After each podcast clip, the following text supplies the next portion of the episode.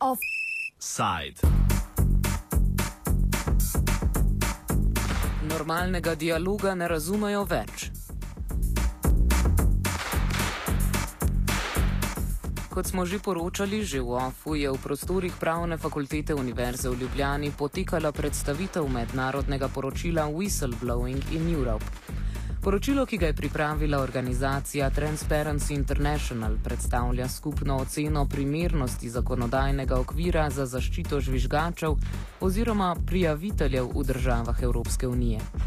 Kako torej države na zakonodajni ravni varujejo tiste posameznike, ki so se pripravljeni izpostaviti, da lahko razkrijejo neprimerne in koruptivne prakse javnih uslužbencev, podjetij, tajnih služb ali pa kar držav samih? Glavne ugotovitve poročila je predstavil generalni sekretar Društva Integriteta Transparency International Slovenija Vid Dorja. Poročilo ugotavlja, da večina evropskih držav ni uspela zadostno zakonsko zaščititi prijaviteljev proti povračilnimi ukrepi na delovnem mestu, s čimer so izključeni, pomembni mehanizmi za uspešno preprečevanje korupcije. Se pravi, prijavitelji kot taki predstavljajo enega izmed ključnih mehanizmov za to, da korupcija pride na dan, da se lahko preprečuje in potem tudi kaznuje. Kot drugo, poročilo ugotavlja kompleksnost političnih, družbenih, zgodovinskih in pa drugih dejavnikov, ki niso blokirali le zakonskega napredka na tem področju, temveč so preprečila prijaviteljem, da v družbi zauzimajo svoje mesto kot zagovornik transparentnega in pa odgovornega delovanja, celovitosti in pa zauzemanja za integriteto in pa javno dobro. Prijavitelji so glede na poročilo po večini še vedno zelo obremenjeni z negativnimi stereotipi, in poniževalnimi oznakami, kot so informatorji, izdajalci in tako naprej. To pa, pre, to pa preprečuje družbi kot taki in pa posameznikom, da sprejmejo neko osebno tveganje za pomoč v javno dobro, v družbeno dobro, v javnem interesu. Zato, da neka ne, nelegalna, neetična, a, deviantna ravnanja pridejo v javnost.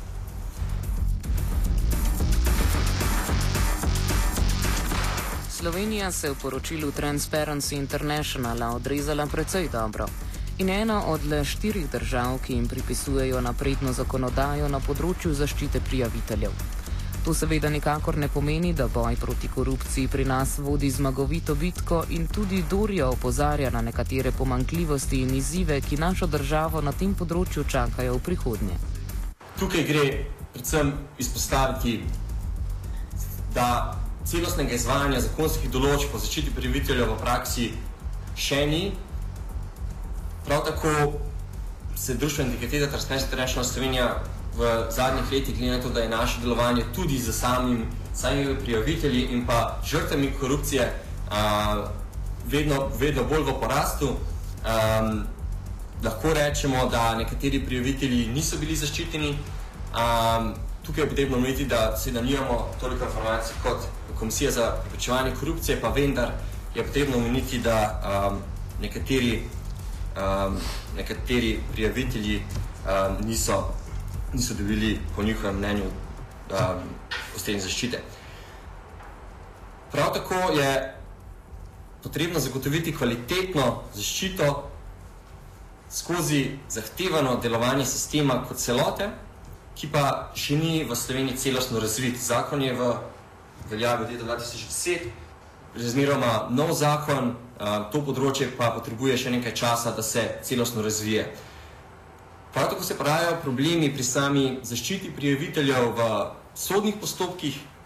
Tukaj uh, mislimo predvsem, kjer posamezni prijavitelji postanejo priče v posameznih procesih. Prav tako je naše prepričanje, da pozitivna kultura whistleblowinga oziroma prijavljanja v Sloveniji še ni povsem razvita, prav tako ljudje še niso povsem seznanjeni s samo zaščito um, in zato bo tukaj potrebno delati predvsej, prav tako bi Republika Slovenija na tem področju morala narediti več, prav, pravzaprav vsaka organizacija, kot tudi civilna družba bi tukaj morala spodbujati in pa um, in pa narediti več za samo zaščito teh prijaviteljev.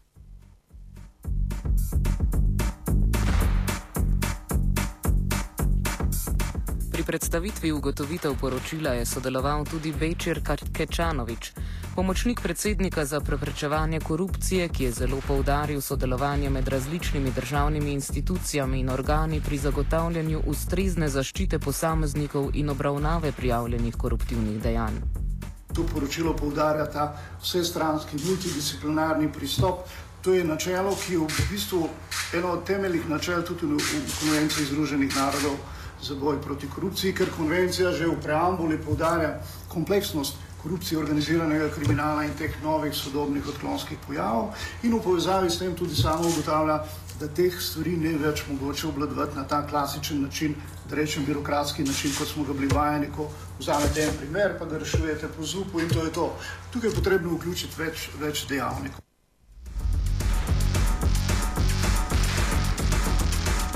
Kot predstavnik Komisije za preprečevanje korupcije je Kečanovič predstavil izkušnje in izzive, s katerimi se soočajo v povezavi s prijavitelji koruptivnih dejanj in predvsem njihovo zaščito, ki zajema različne vidike.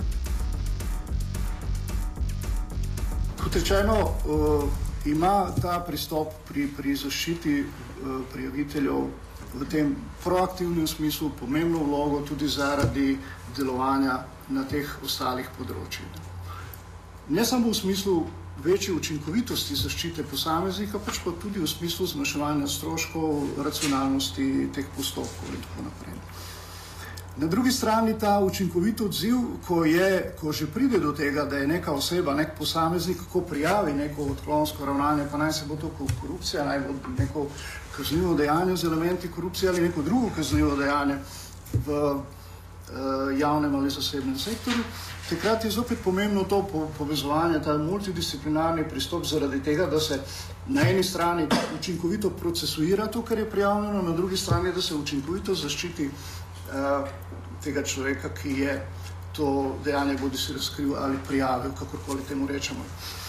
Zdaj pa pri sami zaščiti imamo problem ni samo pravne narave. Ne ni samo pravne narave v smislu preprečevanja in obvladovanja korupcije. Tu so v najtežjih primerih izkušnje iz prakse tudi pri nas, žal kaže, da se tu zastavlja vprašanje delovno-pravne zaščite. Eh, ljudje v najbolj občutljivih primerih, po, po, ki smo jih obravnavali na, na komisiji, so bili uh, toliko časa trpinčeni, da so zboleli s kronično boleznijo, da so potrebovali ne samo zdravstveno pomoč, klasično zdravstveno pomoč, ampak tudi psihosocialno pomoč, potrebno je bilo zagotoviti tudi pravno pomoč.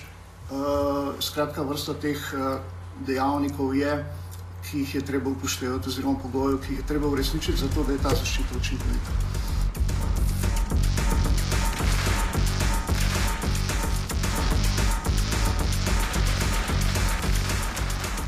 Transparency International se skoraj v celoti izogne trenutno najbolj aktualnim vprašanjem in razpravam v povezavi z zaščito prijaviteljev.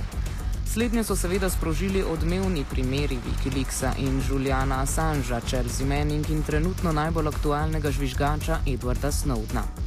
Vtis je namreč, da se organizacija posveča predvsem anomalijam znotraj samega sistema, ki ovirajo njegovo nemoteno delovanje, bolj provokativne teme, ko nasproti posameznikom stojijo države s svojimi realpolitičnimi geostrateškimi interesi, pa obravnavajo predvsej bolj v rokavicah. Svojo vrstno ironijo predstavlja dejstvo, da imajo Združene države Amerike eno najboljših zakonodaj za zaščito prijaviteljev, a s tistimi, ki razkrivajo nepravilnosti znotraj njihove vojaške ali obveščevalne sfere, obračunavajo brutalno, neusmiljeno.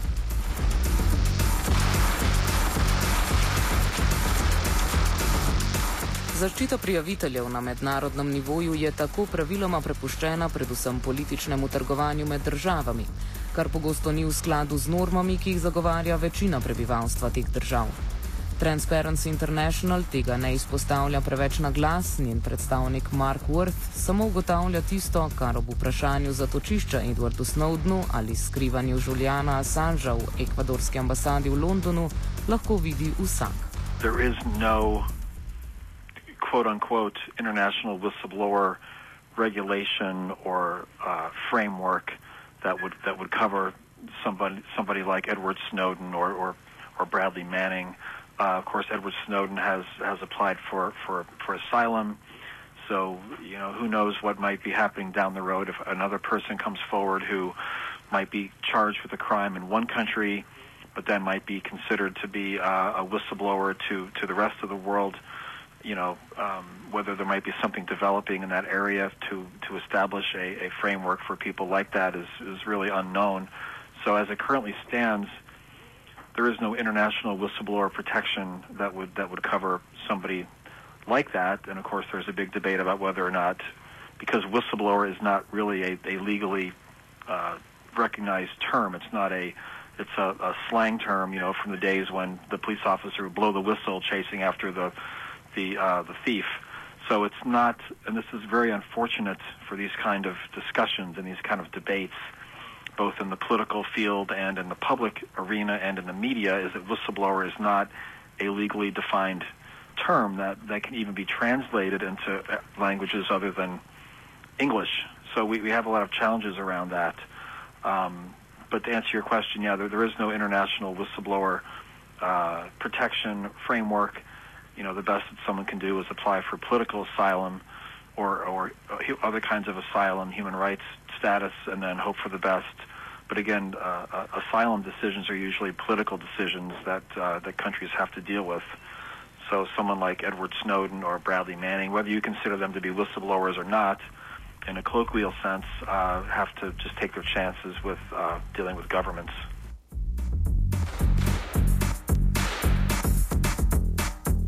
Zanimivo pri vsem je tudi, da so se poleg mednarodnega poročila na ulice po vsem svetu odpravili podporniki aktivistične skupine Anonymous. Poleg tega se je pričela mednarodna akcija Postavi se za novinarstvo in bo potekala pod naslovom Novinarji niso teroristi.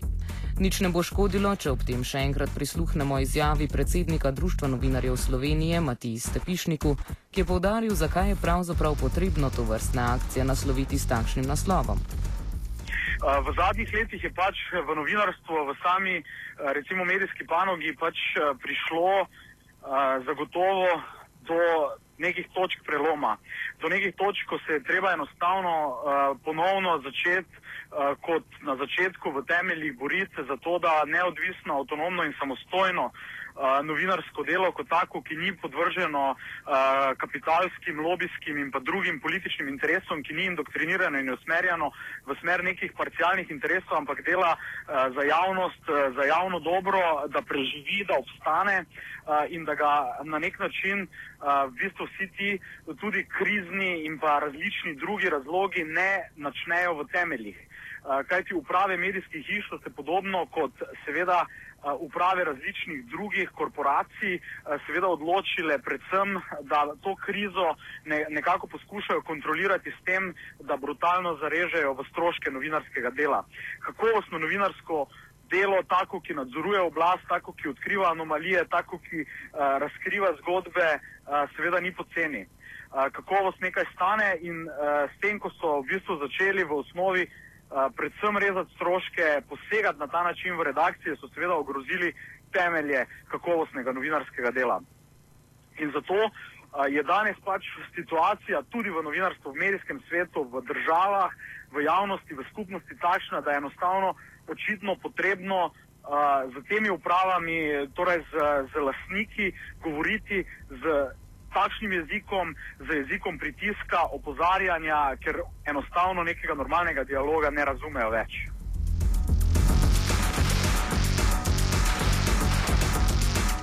Stepišnik nadaljuje s komentarjem o zadnjem primeru žvižgača Edwarda Snowdna. Ravno v bistvu ta analogija oziroma ne, primerjava obravnavanja nekaterih uh, novinarjev, ali pa tistih, ki novinarjem posredujejo informacije, ki v bistvu omogočajo pogled v zakulisja, v zakulisja nekih procesov, ki želijo, ki centri moči želijo pred javnostjo skriti ne, in označevanje teh ljudi v bistvu za, za teroristi, pa, pa, naj gre, pa naj si gre za novinarje. Ali za vire informacij je seveda v bistvu simptom splošne krize razumevanja medijskega sveta strani uh, pravzaprav lasnikov, centrov moči, političnih, kapitalskih in pa seveda drugih. Kajti, uh, seveda, je v interesu teh, ki na nek način v tem trenutku obvladujejo medijski svet, ki, ki, ki preko kapitala in drugačnih vzvodov skušajo vplivati na medije, da tako novinarje kot Snowdne uh, in pa druge vire informacij seveda utišajo. Zato je strani novinarjev seveda potrebno vzpostaviti še dodatne varnostne mehanizme in pa varovalne zide, v bistvu, da zaščitimo uh, naše vire informacij uh, in pa da v bistvu uh, tudi na ta način, da v bistvu odpremo dodatne kanale, ki posredujejo te za javnost ključne informacije, uh, še bolj odpremo, zaščitimo in jih pa pravzaprav s temi informacijami oskrbujemo javnost in jim na ta način omogočamo, da nadzoruje oblast, da odloča oblast in da v bistvu se mogoče še bolj, kot je v zadnjem času v Sloveniji žal, prisotno, aktivira uh, in pač postane neka aktivna in pa ne zgolj pasivni spremljevalec uh, političnih odločitev in odločevalcev.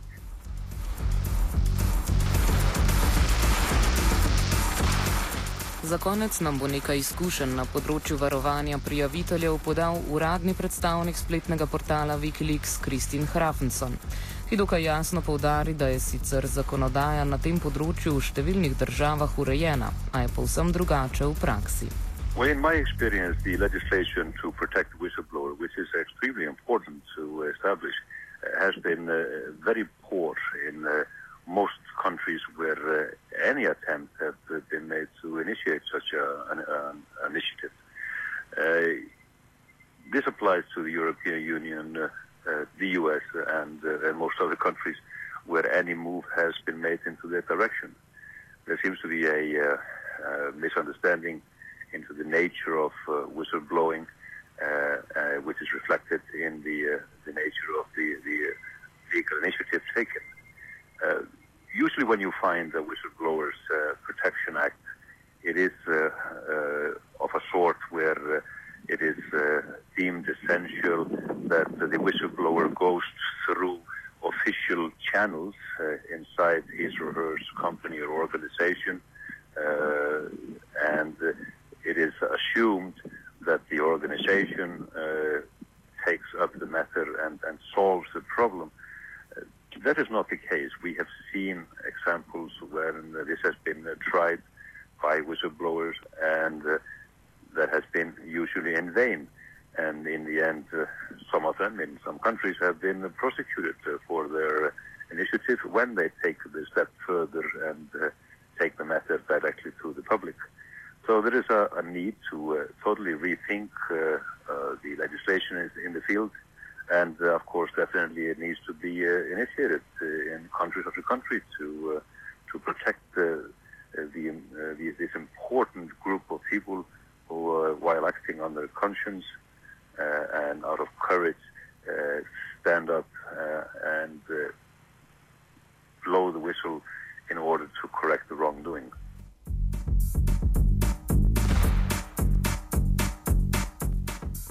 Wikileaks, aktivisti Anonymous, prijavitelji in celo raziskovalni novinarji imajo skupno to, da poskušajo javnost obveščati o nepravilnostih, ki se ne malokrat dogajajo za kulisju skritem pred očmi javnosti. In seveda vse posledice in pritiske strani vlad. Yes, there is a common threat. Uh, this is uh, becoming apparent uh, now. Uh, it wasn't apparent uh, some years ago to many journalists, for example. Uh, I recall three years ago when uh, we at WikiLeaks were under uh, uh, very hard and tough reactions because of the leaks of that year, and basically a persecution against WikiLeaks started. we said very openly and vocally that the journalists around the world should take notice and come to our defense because they would be next. Uh, Nobody believed that would be the case, but uh, we now see how this has been progressing. Uh, journalists are now uh, being taken on, taken on uh, and under the threat of uh, prosecution.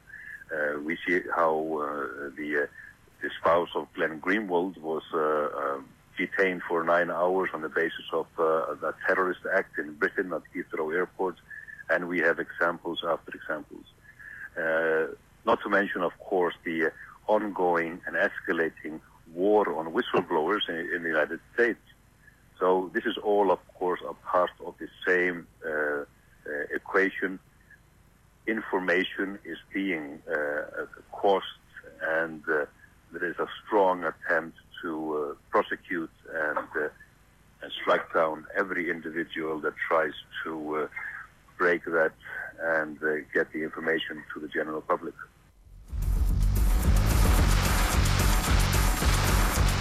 Offside sta pripravila Luka Počivalšek in Matej Šebenik.